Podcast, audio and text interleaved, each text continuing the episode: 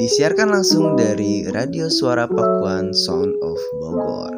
Presiden Mahasiswa Universitas Pakuan tentunya adalah motorik nomor satu di dalam organisasi dalam kampus atau organisasi internal kampus Universitas Pakuan.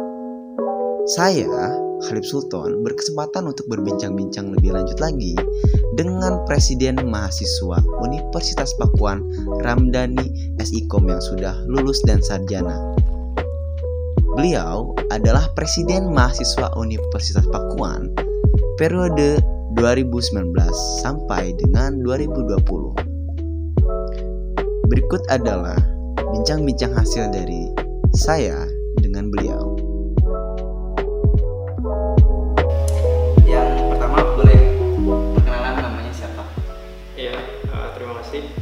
untuk kasih moderator apa?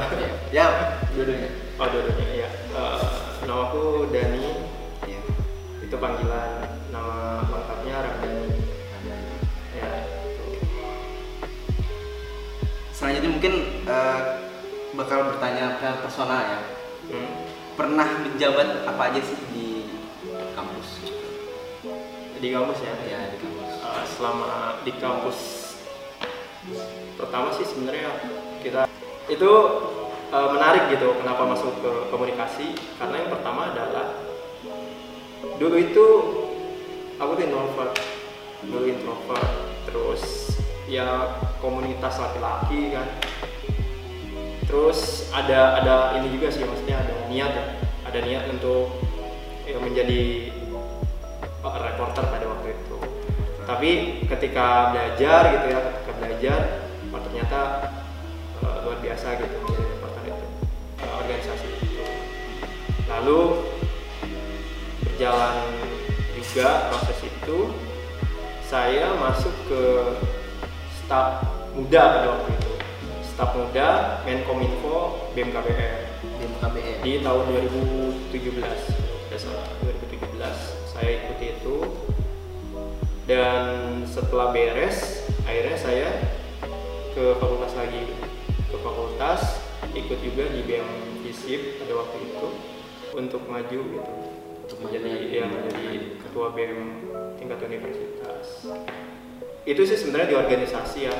Karena bagi saya saya pribadi ya organisasi itu adalah satu wadah ya satu wadah satu lembaga di mana menjadi acuan kita untuk menuangkan ide untuk mahasiswa ya kan karena orientasinya dari untuk kepada karena kita apa memiliki anggaran itu dari mahasiswa juga nah ya mungkin bedanya kita yang mengelola mereka yang menikmati kan gitu Tadi kan sempat disebutkan sedikit perihal KBM ya. KBM itu apa sih? Sebuah lembaga, organisasi, komunitas atau ya bisa dijelaskan lebih eh, detailnya gitu. Oke, sebenarnya BMKBM itu adalah lembaga ya untuk semua sebenarnya. Siapa? Iya semua. Seunpak. Artinya siapa saja yang mau mau berkontribusi di sana silahkan. Ada substansi nyata yang membawa kita kepada nilai-nilai anggaran rumah rumah tangga. Bagaimana kita menjalankan visi dan misi di kabinet itu kan menjadi menjadi apa namanya suatu keniscayaan gitu untuk kita berbuat baik kepada siapa saja. Nah itu mungkin bagi saya atau pandangan saya ya terhadap lembaga KBM itu. Karena bagaimanapun lembaga KBM itu adalah itu lembaga untuk semua gitu. Eh, hal apa aja sih yang udah dilalui gitu sampai posisi ketika menjadi ketua BEM itu hal apa aja yang sudah dilalui? di tingkat univ ya. Sebenarnya sih saya juga banyak belajar. Saya banyak belajar di beberapa teman-teman di program studi, di himpunan, di fakultas, maupun di BMKBM di angkatan sebelum-sebelumnya. Kontribusinya juga tepat kan, maksudnya menjalankan tridharma perguruan tinggi.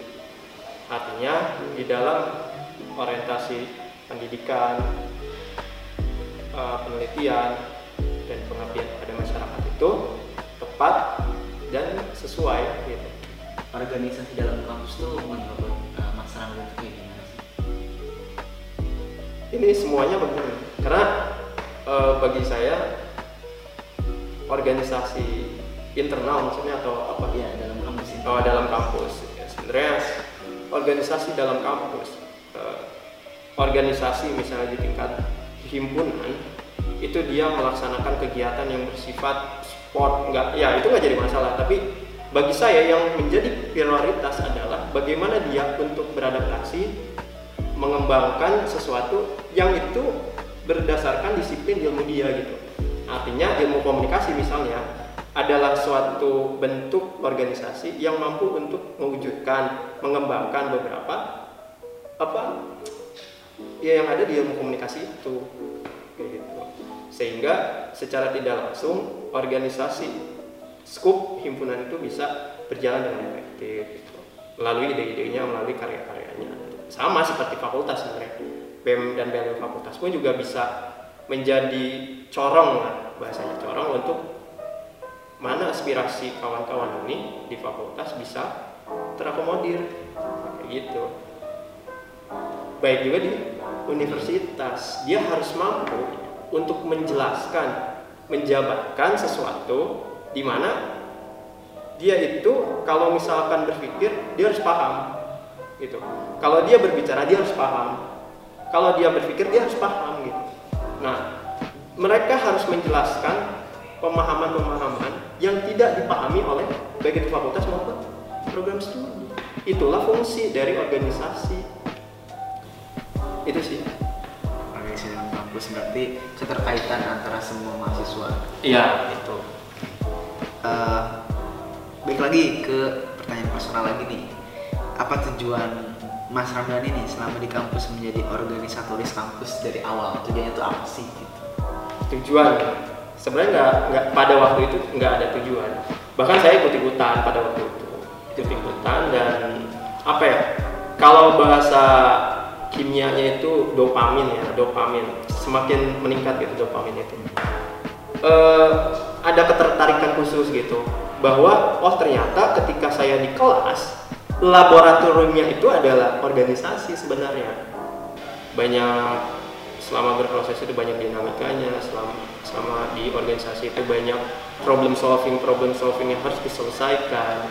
Lalu ya banyak lah gitu hal-hal yang justru membangun saya agar lebih melek lagi. Gitu. nah nyambung ke pertanyaan selanjutnya nih. Prestasi apa aja sih yang sudah dilakukan selama berorganisasi di kampus? Bagi saya berprestasi itu bukan hanya di organisasi. Di akademik pun juga kita berprestasi. Di depan orang tua kita pun juga kita berprestasi. Bukan hanya kita berbicara dan orang tua itu mengetahui bukan. Tapi bukti nyata dan konkretnya.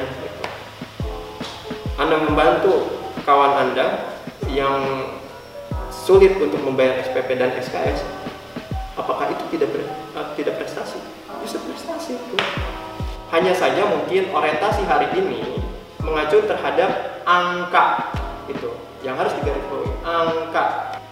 Angka itu menjadikan suatu momok yang eh, apa ya segala sesuatu yang bersifat otentik itu menjadi menjadi hilang gitu sama seperti orang mahasiswa yang kumlot yang IPK-nya 400 cuman apakah dia bisa mempertanggungjawabkan IPK dia terhadap apa yang akan terjadi di masyarakat apa yang akan terjadi di ketika dia bekerja dan sebagainya? Itu sih yang harus digarisbawahi.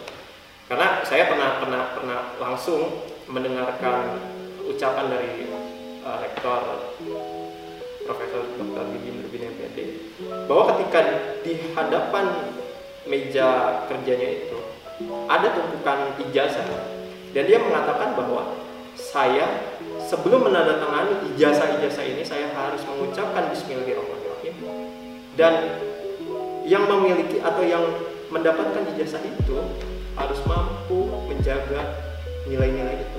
Eh, pertanyaan terakhir nih harapan atau pesan pesan kepada organisator-organisator penerus di kampus setelah Mas Randa lulus apa harapan Iya, sederhananya gini sih. Kita kan tidak tahu ya organisasi itu kapan runtuhnya, kapan kokohnya, kapan itu stagnan gitu. Nah, saya tidak tidak banyak harapan gitu. Sebenarnya harapan itu topis kan, tapi saya menganggap bahwa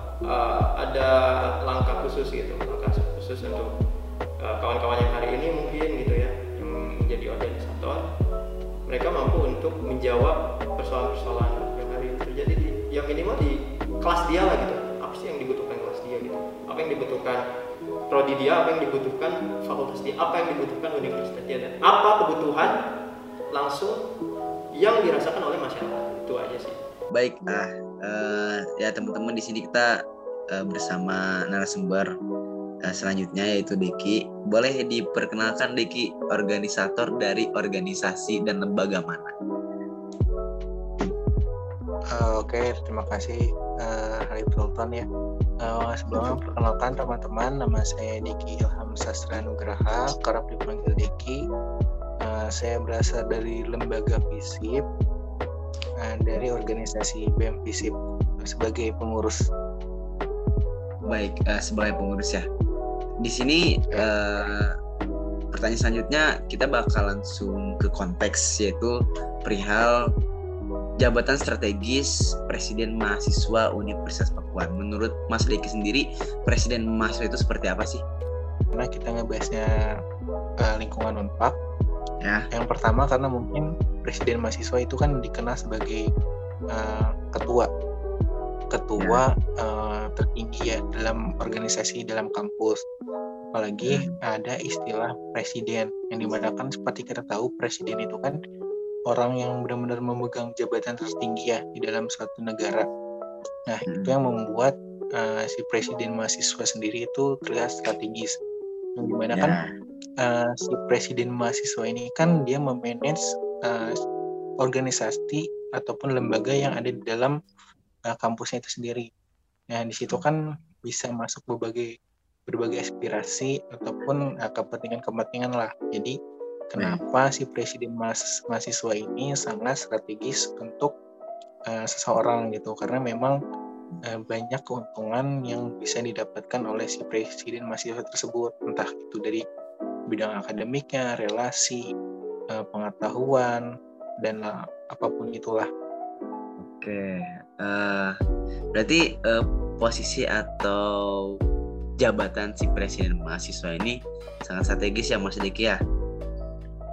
Ya bisa dibilang sangat strategis sih. Mungkin bisa di apa ya dibagi sedikit, di share sedikit pandangannya perihal pengaruh mereka di dalam organisator dalam kampus terkhususnya. Itu gimana sih gitu? Menurut gue pribadi ya Presma yang Ramdhani dengan Arif ya jelas mempunyai perbedaan yang masing-masing gitu punya kelebihan dan kekurangan masing-masing karena Betul. Uh, setiap orang juga kan gaya pemimpinnya itu beda-beda ya itu dari uh, sikap mereka terhadap pengurusnya ataupun uh, komunikasi organisasi secara horizontal dan vertikal yang mereka itu seperti apa gitu sehingga uh, bisa mempengaruhi organisasi-organisasi yang ada di bawahnya. Jadi uh, menurut gua sebenarnya uh, mau di mana pun mereka berasal asalkan apa ya uh, ketika mereka menjadi presiden mahasiswa ya pasti mereka melihat banyak sudut pandang yang lain gitu ketika ingin bergerak atau mengambil keputusan karena tidak bisa hanya mengambil uh, referensi dari rumah atau asal mereka itu saja gitu sih. Baik, kompleks sekali ya penjelasan dari presiden mahasiswa menurut pandangan mahasiswa yang lainnya. Uh, mungkin ke pertanyaan terakhir ya, Mas Diki. Uh, kan Mas Diki juga apa ikut serta dalam organisasi dalam kampus begitu. Harapan dan pesan-pesan untuk generasi-generasi penerus di organisasi atau organisator dalam kampus itu gimana sih harapan dan pesannya dari Mas Diki? Uh, kalau harapan dari ya, saya pribadi mungkin ya untuk organisator selanjutnya itu dalam regenerasi sebenarnya tidak banyak hal yang bisa saya sampaikan atau saya harapkan gitu untuk generasi selanjutnya karena ya setiap generasi uh, itu pasti organisasi itu punya dinamika yang masing-masing itu kita tidak bisa mengharapkan A, B, C segala macam karena memang dinamika dalam organisasi setiap zaman itu berbeda-beda. Jadi belum tentu apa yang kita harapkan itu sesuai dengan, uh, relevan dengan zaman generasi selanjutnya. Jadi mungkin lebih terkhusus ya untuk organisator selanjutnya itu generasi selanjutnya yang terpenting itu mereka mengaplikasikan tridharma perguruan tinggi yaitu menurut gue pribadi udah cukup banget ya dalam mereka menjalankan organisasi itu sih. Oke, uh, baik berarti uh, harapannya adalah bagaimana berjalannya itu tetap di dalam koridor di dalam perguruan tinggi begitu ya. Sekian dari saya Muhammad Nur Halif Sultan sebagai promotor dan sekaligus penyiar dari Radio Suara Pakuan Sound of Bogor yang bertema Presiden Mahasiswa sebagai tauladan Organisatoris Kampus. Demikian Radio Suara Pakuan Sound of Bogor. Pamit undur diri. Terima kasih.